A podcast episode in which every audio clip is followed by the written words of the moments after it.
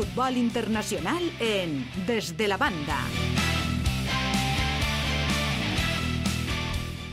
Futbol internacional, com sempre, amb Carlos Pinola. Hola, Carlos, què tal? Buenas tardes, Jordi. Comencem parlant per l'Euro Sub-21. Espanya, la gran favorita, l'actual campiona, eliminada per Portugal. Sí, sí, es increíble la eliminación de España porque era, era favorita, eh, pero claro, si no tiras a portería, no marcas goles, porque el partido contra Polo, eh, Portugal disparó 18 veces. Y ahí sí tienes que marcar goles, pero tuvo muy, ocasiones muy claras. Es un equipo que me pareció fuerte atrás, pero le faltó puntería y se ha notado en, en toda esta Eurocopa. Sí que ha habido polémica en esta semifinal porque el penalti que no dieron a Brahim, que yo creo que era, era penal, eh? Era penal. Era clarísimo, Jordi. No, no ha bar en este campeonato. I en, la, i en l'anterior sí que hi hagué. O, o en, la, o en, la, en l'anterior fase, vull dir, d'esta mateixa campionat, sí que hagué bar, i en estos quarts i semifinals no, no s'entén. Sí, sí, fue muy polémica las declaraciones del entrenador de la Fuente, porque efectivamente dijo que hace dos años había VAR y ahora no entiende por qué. ¿Por qué no se pueden cargar los partidos de fútbol así? Porque fue clarísimo ese penalti y hubiese sido el 1-0 para España y igual no estaríamos hablando de Portugal finalista. Pero Portugal el gol de rebot también. ¿eh? Claro, o sea, eh, además fue un error de Cuenca y Portugal se va a una final. Es decir, es una selección fuerte, pero yo creo que España demostró, tanto con Croacia como con Portugal, que era la, la favorita junto con Alemania. Ahora veremos a Alemania qué hará en este partido contra Portugal, porque eh, el partido contra Países Bajos lo dominó, hasta se dejó un poco llevar, porque marcó, de hecho marcó el gol récord por de Fritz, que de Wirtz, perdón, de Leverkusen después de 29 segundos. Es un récord de, de la Eurocopa, pero creo que España deja claro que tiene futuro, sobre todo con los jugadores que hemos visto, Brian Hill, que me ha parecido uno de los más destacables de esta Eurocopa, eh, hemos visto a jugadores de segunda como Cuenca, Puado, Iman García. Creo que tiene un futuro muy bueno España y hay que confiar porque De La Fuente creo que ha hecho un muy buen trabajo, pero sin delantero es difícil llevarse los partidos y siempre creo que ha sido eh, una asignatura pendiente tanto de la sub-21 como veremos de la nacional de la selección de Luis Enrique. I Alemanya en la seva eh, semifinal, que li guanyà a Holanda, a, bueno, Països Baixos, en aquells Països Baixos, eh, marcante en el primer minuto, el primer gol del partido. Sí, sí, fue un doblete de Wirtz, que creo que es un jugador que escucharemos hablar de él porque tiene solamente 18 años, que cumplió en mayo, delantero del Leverkusen, y efectivamente marcó el récord de, de, goles después de 29 segundos. Pero no es solamente eso, porque en el partido contra Países Bajos hubo tres postes de Berisha, el, eh, el jugador del Leipzig, que yo creo que será otra estrella, tiene solo 22 años. Y claro, Alemania estará en otra final, su tercera final consecutiva, y como dice Gary Lineker, dice, el fútbol es compuesto por 11 jugadores y Alemania que esté en una final. Y eso me parece acertado, aunque veremos que con la selección mayor, eh, yo creo que no será entre los favoritos, pero yo creo que esta Alemania, que va a, su, va a jugar su tercera final consecutiva, dará mucho que hablar. Eh, se va a enfrentar a un Portugal de que su entrenador Rui George ganó la Eurocopa del Sub-17, ganó la Sub-19 y ahora le falta el triplete con esta Sub-21. Y hay que decir que también que Portugal llega con una defensa que es un cerrojo, porque solamente Italia le marcó tres goles ¿eh? en ese famoso 5-3, y Portugal no había encajado goles, y tampoco lo encajó contra España, y será su segunda final en su historia. La primera fue en 1994. Así que veo que será una Alemania-Portugal eh, bastante igualado. Eh, obviamente los alemanes eh, están acostumbrados a estos, a estos partidos, pero hay que tener mucho cuidado de Portugal, sobre todo porque se ha demostrado un equipo muy sólido atrás. No te demande pronóstico, ¿no? Eh, Carlos. Pues eh, te digo Portugal, ¿Sí? porque están todos por favorito Alemania, pero creo que Portugal, llegando donde llegando, porque no solamente tienes que ser sólido atrás, pero también te ayuda la fortuna, y Portugal ha tenido fortuna, también con el partido contra Italia, porque se llevaron el partido en la prórroga. Y te talento, que... eh, te talento. Y tiene mucho talento, efectivamente. Recordamos que está sin Terry Correia y Trincao, eh, pero arriba tiene a Vieira, a Vitiño, que son jugadores que yo creo que muy buenos, han demostrado esta Leao, temporada. Leao tiene un, un, potencial espectacular. Sí, pero Leao es un jugador muy discontinuo, sí, lo hemos visto en sí. el Milan. Eh, el otro día, cuando el cambiar en males cares.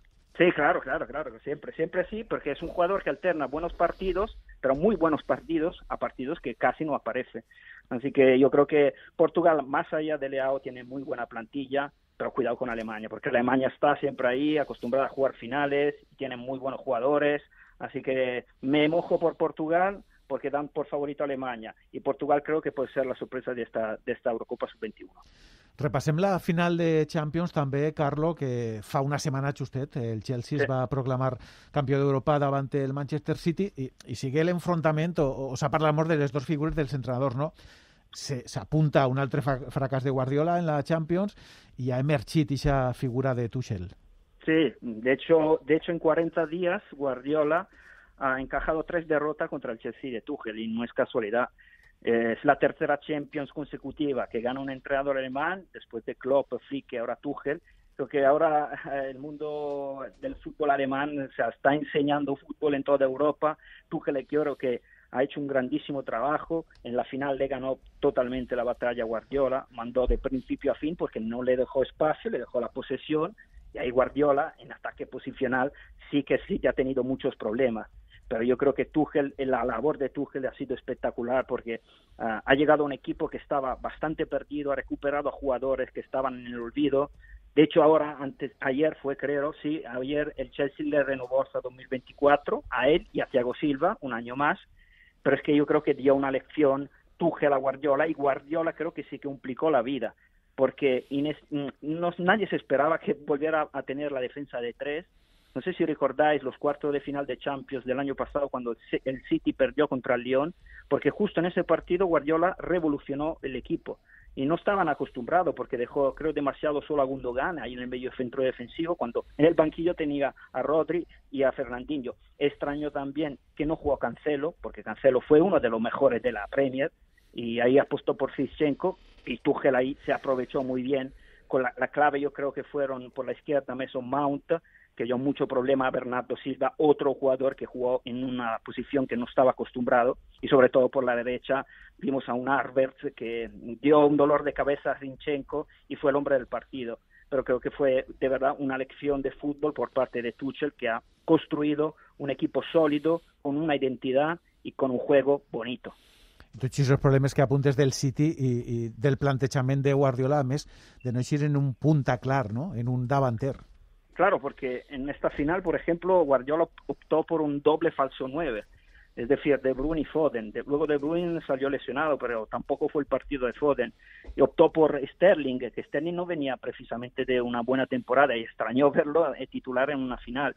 Creo que se equivocó en el planteamiento, creo que también se equivocó en elegir a ciertos nombres, me refiero a Zinchenko, a Sterling, que no venían de, buenos partidos, no sé por qué eh, revolucionó tanto el equipo Guardiola en un partido tan importante, donde creo que son clave los detalles. Y aquí en los detalles el Chelsea le ganó la partida totalmente. Parlem ja de les seleccions nacionals, eh, Carlo, ja s'estan jugant eh, partits de preparació per a l'Eurocopa. Què podem anar destacant de les seleccions, de jugadors que penses que poden destacar en aquest campionat? Sí, yo creo que será, será una Eurocopa anómala porque viene de una temporada anómala donde todos los equipos no han tenido una pretemporada, así que yo creo que será, será clave la condición física y el dosificar las fuerzas. Y aquí creo que hay selecciones que son superiores al resto como plantilla, precisamente porque en esta Eurocopia se harán hasta cinco cambios. Y selecciones con tanta plantilla, por ejemplo, como Francia, que Francia da miedo, la, plantilla de Francia, empezando por la defensa y, y, por la delantera, porque yo creo que ahora con Benzema da un salto más esta selección. Benzema, Griezmann, bueno, Mbappé, eran las tres días tres titulares. Sí, sí, son los tres titulares, pero en el medio tendrá un Colo Kanté que, bueno, corre por tres, tampoco va, y jugará titular André Rabiot, del, que rescató otro, otro, otro jugador que rescató Deschamps después de dos años, porque Deschamps sabe perdonar, porque tuvo problema con Rabiot cuando lo convocó para el Mundial de Rusia y el francés no aceptó ser suplente, Así que lo puso un poco en la nevera, en la nevera de Champ después de dos años, lo volvió a convocar y lo mismo ha pasado con Benzema, solamente que con Benzema han pasado mucho más años y creo va a apostar por todo, porque Francia ahora tiene un grupo complicado, tendrá Alemania, tendrá Portugal, de hecho será como una revancha teniendo a Portugal en el mismo grupo, porque la última Euro 2016 2016 Francia la perdió en casa contra, contra este Portugal. Será el grupo de la muerte, pero veo que ahí, mm, en este grupo precisamente, yo creo que los favoritos son Portugal y Francia. No veo a Alemania como antes, sobre todo porque sabemos que van a cambiar de seleccionador. No sé cómo motivará al equipo Joachim Löw. tendrán a Flick justo después de esta Eurocopa. Significativo que llamaron a jugadores veteranos como Müller, Hummels, porque esta Alemania está repleta de jóvenes, entonces ha sido un poco eh, volver a llamar a estos jugadores que estaban, llevaban dos años fuera de la acción, como darle un poco un empujón a esta plantilla joven. Pero favorito yo creo que Francia, la favorita número uno por plantilla, por experiencia, porque han ganado el último mundial y porque es la plantilla que podría ser el, los star, como el, equipo de Estados Unidos en Barcelona 92, casi, porque atrás no, no, olvidemos que han recuperado a Cundé, yo creo que Cundé lo conocemos aquí en España, puede hacer una pareja de centrales que en principio no será el titular, pero con Barán yo creo que se pueden perfectamente acoplar. Y luego no tenemos que olvidarnos de Bélgica, no solamente porque es la número uno en el ranking FIFA, pero porque ahora es un equipo con mucha experiencia. Yo creo que el punto débil... Y, está Hazard en, en, en Ganes, eh? Sí, sí, sí. se, se, a reivindicar porque, claro, es que no le han visto así en dos años. Es que Hazard ha pasado dos años entre lesiones y malas condiciones físicas. Eh, yo creo que el punto de fuerza de esta selección eh, es de Bruin, obviamente, que es la estrella del equipo, pero que tampoco hay que descuidar a un centrocampista que mm, en clase 97, que es Tielemans, yo creo que es uno de los mejores centrocampistas que hay en Europa. Fíjate, siendo un clase 97 lleva casi 400 partidos de profesional. Puede ser una de las sorpresas, pero vemos que esta Bélgica es súper completa. Arriba tiene a Lukaku, que ha hecho un temporadón, ha sido elegido mejor jugador de la Serie A sin olvidarnos de Yannick Carrasco, que ha hecho una gran temporada con el Atlético de Madrid. Así que yo Bélgica siempre hay que darla entre las tres, cuatro primeras, favorita, desde luego, porque el equipo de Martínez ha, ganado experiencia, sobre todo tiene jugadores ahora que, quitando a porque Azar creo que mm, no puede hacer milagros, no puede ahora de repente jugar una espectacular Eurocopa porque viene de, de, dos años prácticamente inactivo, por así decirte. Y bueno, y hablando de otras selecciones, creo que también hay que nombrar a Inglaterra, es la número cuatro de ranking FIBA, pero claro, ha sido importante la lesión de Alexander Arnold, que se lesionó hace cuatro días en un partido amistoso, pero precisamente ahí Inglaterra tiene abundancia en los laterales, porque teniendo a Trippier, a, a James, a Shaw por banda izquierda, a Walker por banda derecha, a Chilwell, creo que abunda de laterales, pero en el centro de la saga con Stones y Maguire creo que ahí pierde un poco más de solidez porque Stones ha sido un buen jugador teniendo al lado a Rubén Díaz y Maguire sí que es el capitán del Manchester United, pero ha demostrado que los 80 millones que pagaron por él creo que no valen. Es un jugador peligroso en, la jugada a balón parado, pero defendiendo el uno contra uno creo que ahí va a sufrir Inglaterra y porque también tiene un problema en la portería que se lo lleva arrastrando varios años. Probablemente el titular será Pickford, el portero del Everton, que es capaz de hacerte buenos partidos como de hacerte partidos que hemos visto con España de Gea, por darte un ejemplo. Y yo creo que nombrante otra selección que yo creo que podría ser una sorpresa, aunque no es entre las favoritas, pero es Italia. Italia ayer, por ejemplo, jugó otro amistoso que ganó solventemente 4-0 a la República Checa, pero creo que Mancini ha formado un grupo, una familia dentro dentro del vestuario porque son todos amigos. Yo creo que son factores que cuentan mucho, sobre todo en una competición donde se juegan tantos partidos en pocos días. Italia ha demostrado ser capaz de ganarle a cualquiera porque ha batido también récords y parece un poco, Italia está recordando esa selección de 2006 con Lippi cuando ganó el Mundial de Alemania, que no era entre las favoritas, pero la, la gran fuerza de Lippi fue formar un grupo y eso es muy importante porque Mancini ha formado un grupo, pero ha formado también, ha, instaurado un juego bien determinado. Parlaves d'Espanya i de, i de David De Gea, així, eh, quan és seleccionador, siga l'època que siga dona la llista per a un campionat d'aquestes característiques, una Eurocopa o un Mundial, sempre és criticat, però especialment Luis Enrique eh, ha rebut moltes crítiques eh, pels jugadors convocats en totes les línies, especialment en la davantera sembla que Espanya no té gol. Eh, així confiem molt i coneguem molt a Girard Moreno, però de moment està apostant més per, per exemple, per Morata, que li costa marcar gols, i el tema de la portería, Carlos, un drama. No, sí, eh, yo creo que España quizá tiene más problemas en la portería, porque está tan tantos cambios que tiene. Ahora últimamente está jugando Unai Simón, pero yo creo que no es el mejor portero de los tres. Y tampoco son los mejores porteros de España, porque yo creo que se ha dejado fuera había que convocar a la gente que estaba mejor físicamente y en este último tramo de temporada yo creo que Pacheco, el portero de la vez, ha demostrado estar a la altura. De Gea, yo sé que, bueno, sabemos que Luis Enrique siempre habla maravillas de este portero y que es un profesional tanto cuando juega como no juega, pero no entiendo por qué insista en Unai Simón cuando siempre históricamente el portero titular había sido De Gea y esto yo creo que causa también inseguridad porque mm, yo creo que en una selección, como en un club, tiene que haber un ranking de roles. Y España precisamente ahí no tiene un, punto de fuerza bien, definido en el portero. Yo, de los tres que hay ahora, yo optaría por De Gea, aunque con la selección española no ha, no ha jugado buenos partidos, pero hay que dar continuidad a, una, a un portero que tiene experiencia, porque en Inglaterra De Gea sí que juega buenos partidos.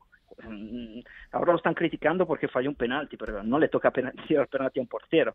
Y por hablar de la delantera, Jordi, yo creo que ahora con España, con Gerard Moreno, pues está casi tranquila. ayer apostó por Morata, que sigue fallando muchos goles, pero teniendo a Gerard Moreno, que yo posiblemente yo creo que será el titular mm, de la, de la selección española, porque sus números lo avalan, ha marcado 30 goles con el Villarreal, es un jugador que puede poner en peligro toda la defensa contraria pero mm, España abusa demasiado, demasiado del balón, mm, como ayer contra Portugal, con mucho porcentaje de posesión.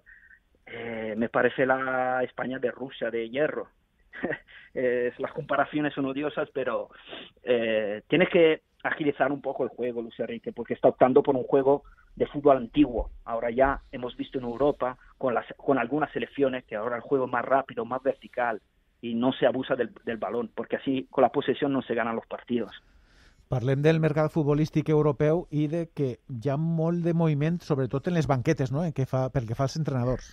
Sí, sí, sí. Yo empezaría por, por, Alemania, donde los cuatro primeros que se han clasificado para la Champions, los cuatro primeros han cambiado los entrenadores, empezando por el Bayern, que hace tiempo ya anunció la llegada de Nagelsmann. Yo creo que es una apuesta muy acertada, cuando es un entrenador joven, pero sí que ha demostrado en el Leipzig saber mandar, tener jerarquía, tener liderazgo. Así que yo me gusta mucho esta apuesta.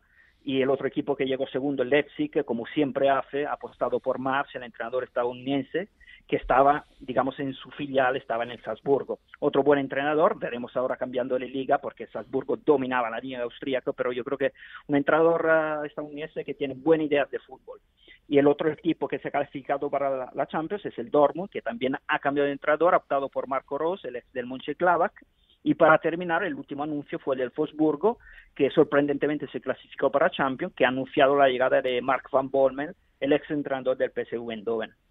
Y para ir a Italia, que sí que ha habido un terremoto de banquillos y todavía no estamos, estamos esperando la última, eh, el último anuncio oficial, empezando con la Juve, que optó por la vuelta de Allegri. Mm, no sé, yo soy, no soy partidario siempre de las segundas vueltas, pero sabemos que había siempre tenido una relación muy buena con Agnelli, con la propiedad de, la Juventus, ha, que, ha querido volver a la Juventus rechazando ofertas del extranjero como una, una propuesta de Real Madrid.